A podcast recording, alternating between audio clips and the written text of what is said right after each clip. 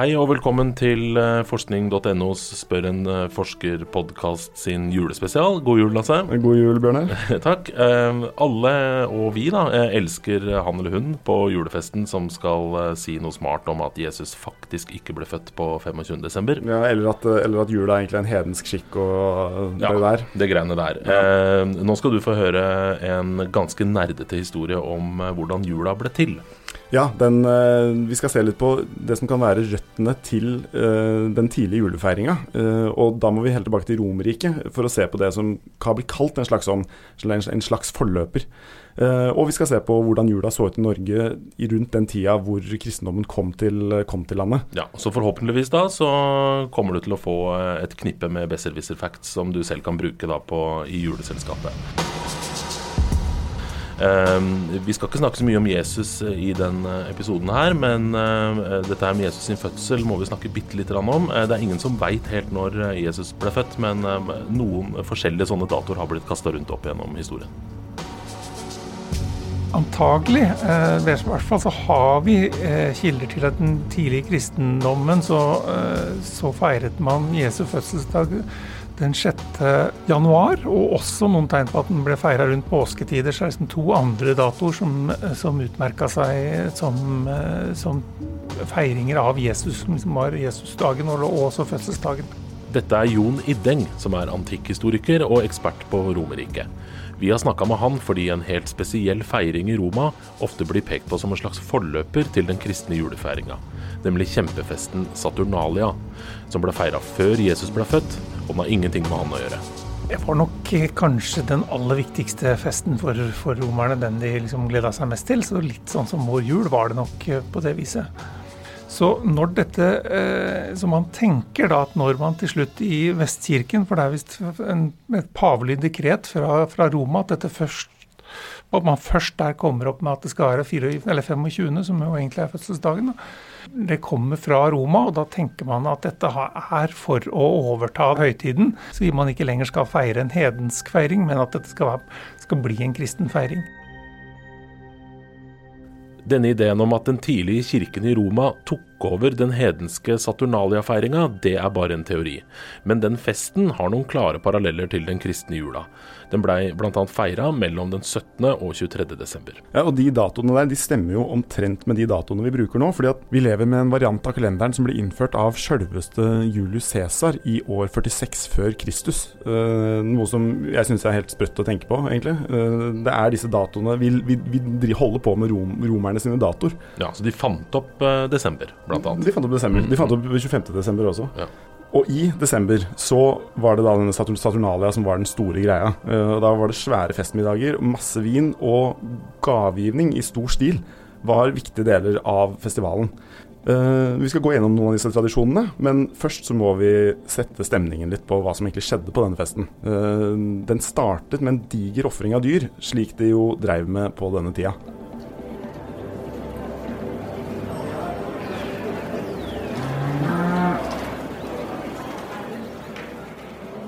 Som var uvanlig i en romersk sammenheng, eh, var at her var det et voldsomt stort offer. Mange dyr som gikk med, og eh, bybefolkningen fikk være med på banketten etterpå.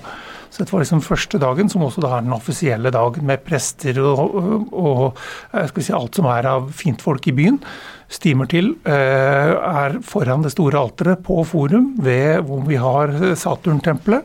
Et av de viktigste templene i, i Roma også. Og der eh, er det da ofringen og seremoniene skjer. Og så etterpå er det eh, bankett for alle borgerne.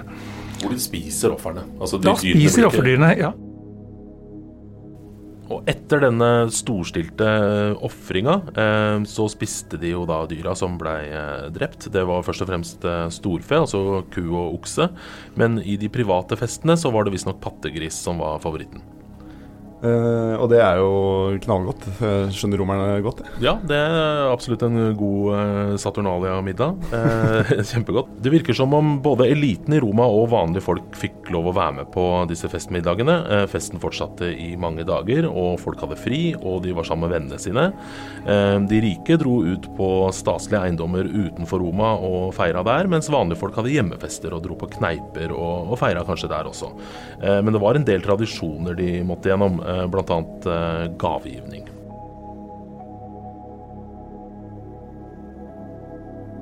Da, da, var det, da, var det, en sånn eh, avslapningsdag. Da har man fri ferie. Det er som ikke, ikke på markedsdag eller en offentlig dag, så butikker og den slags er stengt. Og så, så skulle man da gå i badet, eh, og så skulle man eh, stelle seg og gjøre seg klar til fest. Og så starter da noen ganger flere dager med fest og feststemning. Og da er, det, da man pynta, og da gir man hverandre gaver.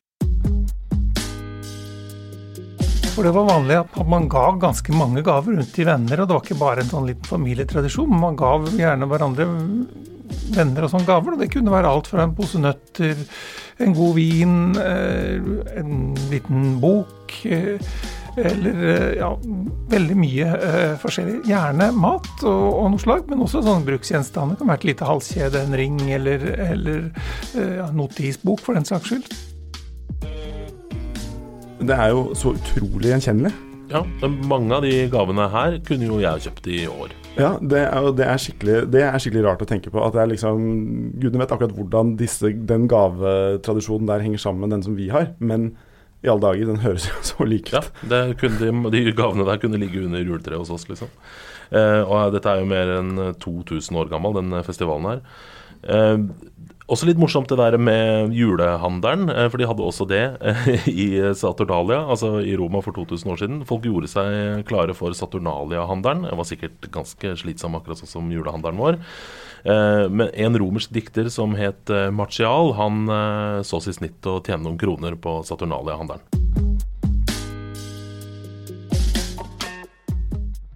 Og han skrev nemlig også sine diktverk, eller sine små bøker sånn at de skulle være klar til Saturnalia-handelen, for å si det sånn. Sånn at folk skulle kjøpe dem og kunne gi dem bort.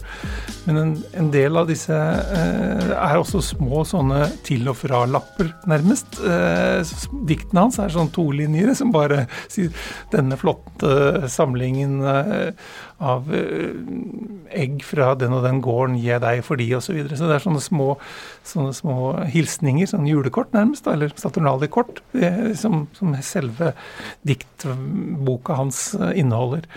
Eh, så der, der, er det rikelig med også en to-tre forskjellige typer vin som da nevnes som, som fine å gi bort, og som passer velegnet til i Saturnalia-sammenheng. Disse gavene skulle også være omtrent like mye verdt. Eh, man skulle ikke flotte seg så voldsomt når det var Saturnalia det framkommer av noen kilder at, at, man skulle ikke liksom, man skulle ikke prøve å toppe det opp så voldsomt i Saturnaliene. Det var, det var liksom snakk om å gi hverandre eh, sånn noenlunde streite, vanlige småpresanger. Og gjerne være oppfinnsom og komme med noe fint, fint eller gøyalt fra, fra et eller annet fjernt sted. Altså noe røkelse fra Østen eller noen krydderier som ingen andre eller Sånt stas, men, men skulle liksom ikke være Det er ikke da du, det er ikke da du gir bort en hel bærestol eller, en, eller, eller et hus. Den, den ultimate gaven i den romerske verden. En, sånn, en, en bærestol. De hadde jo ikke biler, så Det er sant.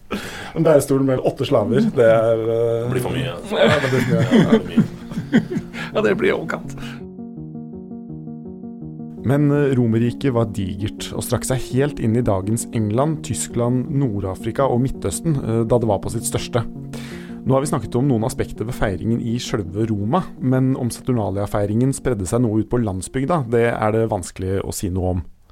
Men, eh, men, at det var eh, typisk i de byene som de grunnlegger der, som jo mange av dem begynner som militærkolonier, mens andre som handelssteder og sånt, som, som blir store, de blir veldig romalike.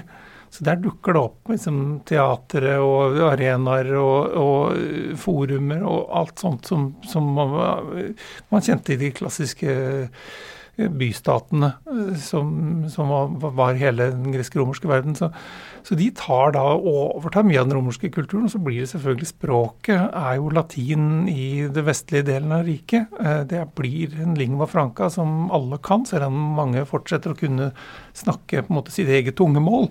Eh, men det forsvinner gradvis ettersom jo riket blir så stort, og så snakker man en annen form for latin. og da, da, overtar man jo også selvfølgelig den latinske litteraturen og kulturen eh, i en større grad. Eh, og, og, dermed også festene. da. Men, men, i hvilken grad de der har feira Saturnaliene på samme måte som den, den romerske eliten gjorde i, i Italia, det, det, det har vi ikke noen idé om, for det er ikke noen kilder til. Men det er flere skikker under Saturnalia som er ganske ugjenkjennelige for oss i dag. Som uh, ville vært selvsagte for en romer, men som, uh, men som, bare virker veldig fremmed for oss nå. Og Det er bl.a. en av de helt viktigste delene ved hele Saturnalia-festivalen. Nemlig at, at, de på en måte sosiale båndene og hierarkiene skulle bli myket opp. Eh, slaver og herrer skulle bli likestilte, og bl.a. spiste de en middag sammen. Og slavene fikk ha på seg frihetshatter, som egentlig bare var reservert for, for frie borgere. Men dette var jo skikkelig på liksom, da? Ja, dette var, dette var skikkelig på liksom. Ja. Det, var ikke, det, var ikke, sånn at en uh, slave kunne selge herren sin. Han, nei, eh, nei så det, det, første Saturnalia-dag så var det tilbake til normalen, sikkert. Ja. Men hva var det egentlig denne Saturnalia-festivalen handla om, eh, og hvorfor var den så viktig? Saturn var bl.a. en eh, jordbruksgud, men det er visstnok mer komplisert enn som så. Eh, handla det rett og slett om å feire at matlagrene var fulle for vinteren? Ja, Helt hva slags type feiring det har vært, det veit vi ikke. Men, men vet at guddommen opprinnelig var knytta til det. Men, eh, men seinere så utvikler dette seg også litt å bli identifisert ut mot eh, noe som har med lys og vintersolverv og, og sola å gjøre.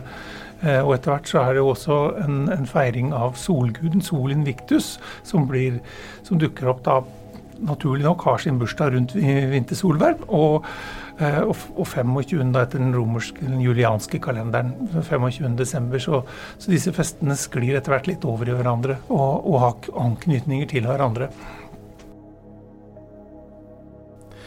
Det er usikkert akkurat hvorfor 25.12. blir en eh, merkedag. Eh, og Den dagen lever jo fortsatt i dag som første juledag.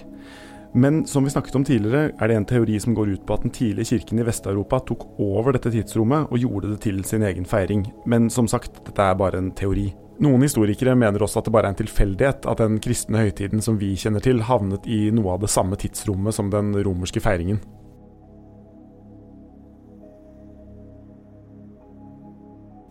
Nå har vi snakket masse om Roma, men hva med Norge? Hva er røtten til den nordiske feiringen? Eh, de aller fleste har hørt noen snakke om at jula egentlig er en hedensk skikk, og at den ble feiret før Norge ble kristent. Men hva betyr dette? Det er en festtid, et rituale. Produksjonsåret er over. Um, en venter på det nye som skal komme. Og så har en denne tradisjonen som vi egentlig ikke har så mye kunnskap om når det gjelder den førkristne tiden. Mye av den kunnskapen vi har om julen, den stammer egentlig fra eh, kilder som er seinere enn den hedenske førkristne julen. Så det, det, er ofte da kilder som er nedtegna i tidlig kristen tid, og der får vi glimt av den eldre julen. Dette er Frode Iversen. Han er arkeolog og professor ved Kulturhistorisk museum i Oslo. Det er en ting som er litt lett å glemme, men vi har utrolig lite skriftlige kilder om hva som skjedde i Norge før det blei offisielt kristent i 1020-åra. Mens vi snakker om Roma, så kan vi sitte og diskutere i detalj om hva folk ga hverandre i gaver og sånn, pga. massevis av nedskreven informasjon, og det var 1000 år før dette her igjen. Ja, da, og Da kan du få et klart bilde av liksom, hvordan folk levde og sånn. Det er mye vanskeligere i, uh, i Norge. Og kongesagaene og liksom, lovtekster og sånne ting som vi kan bruke for å få et inntrykk av hvordan folk levde, det ble skrevet mye senere enn dette her også. Så det er en del kunnskap som, øh, om f.eks. julen som bare må trekkes ut av disse andre tekstene. F.eks. nettopp lovsamlinger. Men det virker som om navnet jul, eller jol, kanskje beskriver en tidsperiode og en offerfest. Eh, og den begynte rundt midten av januar etter vår tidsregning. Men eh, det er for så vidt ikke noen grunn til å tro at det ikke var en god fest. Det ser iallfall ut til at øl har vært eh, en viktig del av julefeiringen. Å, drikke øl, eller drikke jul. Så det er bestemmelser i, i lovene f.eks. om at en skal bruke øl til jul. Så det er faktisk lovbestemt ølbrygging, altså. Uh, men disse lovene kom ikke inn før etter at Norge var kristent, men det sier noe om hvor viktig det var at gårdene skulle ha øl i disse her festsammenhengene. Og Det var helt klart at øl var en sentral del av julefeiringen. Og kanskje det ble skålt i ære for norrøne guder, som Thor Odin? Ja, kanskje det. I, I, sagaen om Håkon den gode, som var den første norske kongen som skal ha prøvd å innføre kristendommen, så står denne setningen. Han holdt søndager og fredagsfaste, og satte det i loven at man skulle gå til julehold på samme tid som kristne menn. Og da skulle hver mann holde gjestebud på en mæle øl, men ellers betale bøter og holde helg så lenge ølet varte. Så man måtte brygge øl, Uh, hvis ikke måtte man, måtte man, betale. Og festen måtte fortsette helt til ølet var, uh, var tomt. Ja, så, Og de brygga sikkert ikke bitte lite øl. Det Nei, det er øh, det, jeg, jeg, vet ikke om det går an å si noe sikkert om det, men han vi snakket med, snakket jo om at det var ganske det var stor sannsynlighet for at de drakk seg ganske fulle. Ja, helt sikkert. Han, eh, Håkon da, eh, Håkon den gode han prøvde også å flytte den tradisjonelle julefeiringa til, til, å stemme eh, med den kristne dagen, 25.12. Men han greide ikke å kristne Norge på, på 900-tallet. Men dette her ølet, det har vært viktig i mange sammenhenger. Vi hører om barsel, ordet barsel, barns øl. Vi hører om eh, gravøl, vi hører om juleøl. Og det handler òg om eh, transformasjon og endring. Altså når det skjer endringer i noens liv. Noen blir født, noen dør. Et nytt år skal feires. Endringer. Og da er øl eh, veldig integrert. Eh, men det er òg et slags offentlighetsaspekt ved det, altså med, med ritualene. At det skal skje i offentlighet, og på den måten, når noe er kjent, så er det òg en ligger det en slags bekreftelse i det. Så ølet er magisk. Så ølet var veldig viktig. Eh, ølet var faktisk magisk, som man, eh, som man sier. Men eh, julegaver kan faktisk også ha vært viktig. Svein Alfivasson som styrte Norge rundt år 1030. Han innfører en slags sånn juleskatt som faktisk blir kalt for julegave i lovene. Det er litt frekt navn på en skatt, syns jeg. Det er en veldig frekt navn på en, på en, skatt. Og det var liksom Det oppleves ikke helt som sånn småting heller som bøndene måtte gi fra seg.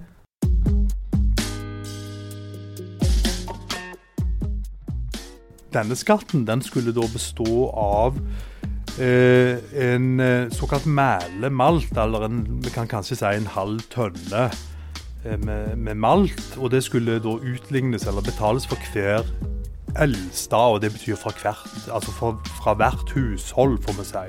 I tillegg til eh, malten så skulle det da gis et lår av en tre år gammel okse. Det skulle gis et spann eh, smør og I tillegg så skulle hver husfru, som det står, de skulle da yte så mye lin som de kunne spinne rundt eh, tommelen og langfingeren. Det kalles for rygger to. Men det er altså en viss mengde lin, da, kan man si. Eh, hva hadde du tenkt, Bjørnar, hvis du hadde måttet gi fra deg dette, dette her til, til sjølveste kongen? Nei, eh, det virker ikke så veldig kult. Du har kanskje lyst på den eh, oksen sjøl når det nå endelig er, endelig er, jul og den endelig har blitt fullvoksen, eller tre år gammel. Ja, og, og, kona di skal sitte der og tvinne lyn rundt fingrene bare for, å, bare for, å, kunne gi det vekk. Ja, det er en ganske kjip skatt, virker det som. Den blei jo heldigvis fjerna etter hvert, den skatten, men det var garantert mange som var sinte for den skatten, altså. Men øh, den skatten sier jo også kanskje litt om skikken med å gi hverandre julegaver. Ja, kanskje det, selv om det var julegave til kongen, dette her, da. Vanlige folk har vel òg da gitt hverandre gaver. og skulle vi tenke mer funksjonelt på dette, sånn som en kanskje gjorde tidligere, så, så ville jo gaven En må tenke seg et jordbrukssamfunn her. Gårdene de har produsert det de skulle dette året. De har eh, litt forskjellige ting i sine lager og stabbur. Og så er det en slags utveksling som skjer da på tvers i bondesamfunnet. Så en må vel òg kanskje forestille seg at en, eh, noen gir av det de har mye, og andre får av det de har lite. Så det er en slags finjustering som foregår. Og Hvis du ser på sagaene, så har jo de en masse opplysninger om hvordan konger og stormenn gir og mottar gaver, og på denne måten bindes og knyttes til hverandre. Så julegavene de faller òg inn i et sånt mønster. Men hvordan var selve feiringen av festen? Hvordan kan denne førkristne festen ha sett ut? Eh, det er veldig få beskrivelser av denne festen, fordi det fins veldig lite skriftlig kilde fra den tida her. Men en dikter som heter Sigvat, som ble født rundt eh, årtusen, han beskriver en hedensk husfest han var innom. Han er sjøl på reise i kongelig ærend over til Sverige. Og på vei tilbake fra Sverige så, så er han inne i de dype svenske skogene og, og trenger å overnatte på en gård der. Men det får han ikke lov til. De sier at de er hedenske, de som, som bor der. Det er jul, og de feirer alveblot. Eh, og Vi vet ikke riktig hva dette alveblotet er, men det, det foregår innendørs, eh, står der. Så en, eh, en, får da inntrykk av at det er privat, eh, et privat ritual, noe som foregår i husholdet. Og at det er Altså, alvene er jo en slags kombinasjon av guder og kanskje forfedre. Og det er en slags fest til ære for disse alvene, eller et blod en ofring til, til ære for disse alvene. Dette blotet betyr at de ofret et dyr, og sannsynligvis da spiste det også på denne festen. Uh, som for, for øvrig framstår veldig veldig mystisk. Ja, framstår veldig mystisk. Det er jo kanskje først og fremst fordi han ikke slipper inn. så, så, man begynner å lure på hva som egentlig skjedde der inne. Men i løpet av 1020-årene så ble jo da Norge kristent. Og de kristne høytidene, liksom de kristne merkedagene og jula og alt sånt, det ble på en måte offisielt på papiret. Mm. Men, eh, men, det endret jo ikke nødvendigvis hva folk gjorde ute på, ut på bygda. Nei, sikkert ikke før etter en stund. Så alle, alle de kristne skikkene og merkedagene og høytidsdagene blir da formelt akseptert og kommer inn i, inn i lovgivningen. Nettopp. Så da er det liksom da er det helt ferdig, holdt jeg på å si, med den gamle hedenske tida? Det er nok ikke fullt så enkelt. Én ting, ting, er hva som skjer på, eh, på papiret, hadde jeg nær sagt, men en annen ting er den sosiale praksisen. og eh, vi har òg eh, hedenske graver, særlig fra de innlandske områdene, innlandet i Norge. Så, så finner, vi, finner, vi, fremdeles spor etter, et førkristen gravskikk langt ut på 1000-tallet. Så det har nok hengt i, særlig når vi kommer litt opp i de indre bygdene i Setesdalen kanskje, og den type områder. Det tar tid, og, og at det er òg regionale forskjeller i hvordan, hvordan, dette fungerer. Og fremdeles på 1800-tallet så har vi opplysninger fra igjen Setesdalen som forteller at folk går ut og ofrer f.eks. høner eh, på gravhauger. Og det er skikker som henger igjen eh, kanskje så lenge.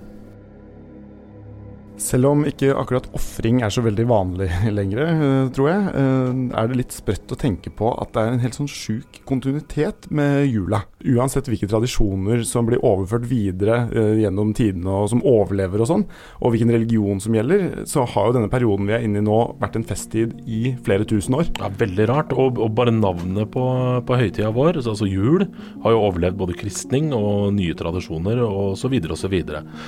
På engelsk så heter det Christmas, altså Kristusmesse, men det har liksom aldri tatt rot her. Nei, det er, det er litt merkelig å tenke på. Det er jo så viktig som religion har vært. Ja, vi har hatt 1000 år på oss liksom til å bytte navn, men vi har ikke klart det ennå. Nei, det har vi ikke gjort. Og det er vel ikke noen sjanse for at den kanskje bytter nå? Nei, jeg tror ikke det, altså. um, men denne jula sånn som vi har den i dag, med liksom pynt og tre og at det, er, at det er barnas jul og hele den biten der, det er en ganske sånn moderne sammensetning av tradisjoner da, i forhold til det vi har snakket om nå i denne episoden her. Uh, det blir ofte sagt at den oppsto liksom i europeiske overklassehjem sånn slutten av 1700-tallet, midten av 1800-tallet-tiden. Da gjenstår det egentlig bare for oss å ønske dere som hører på, en uh, god jul, eller en uh, Jo Saturnalia. Uh, ja, så uh, får vi håpe at dere har uh, lært noe og kan dele noe på julefesten. Ja, ikke sant. og komme med noen, noen besserwisser-facts. ikke glem å rate og gi stjerner og like og, og del og det som er med, med podkasten vår. Og så, så høres vi igjen.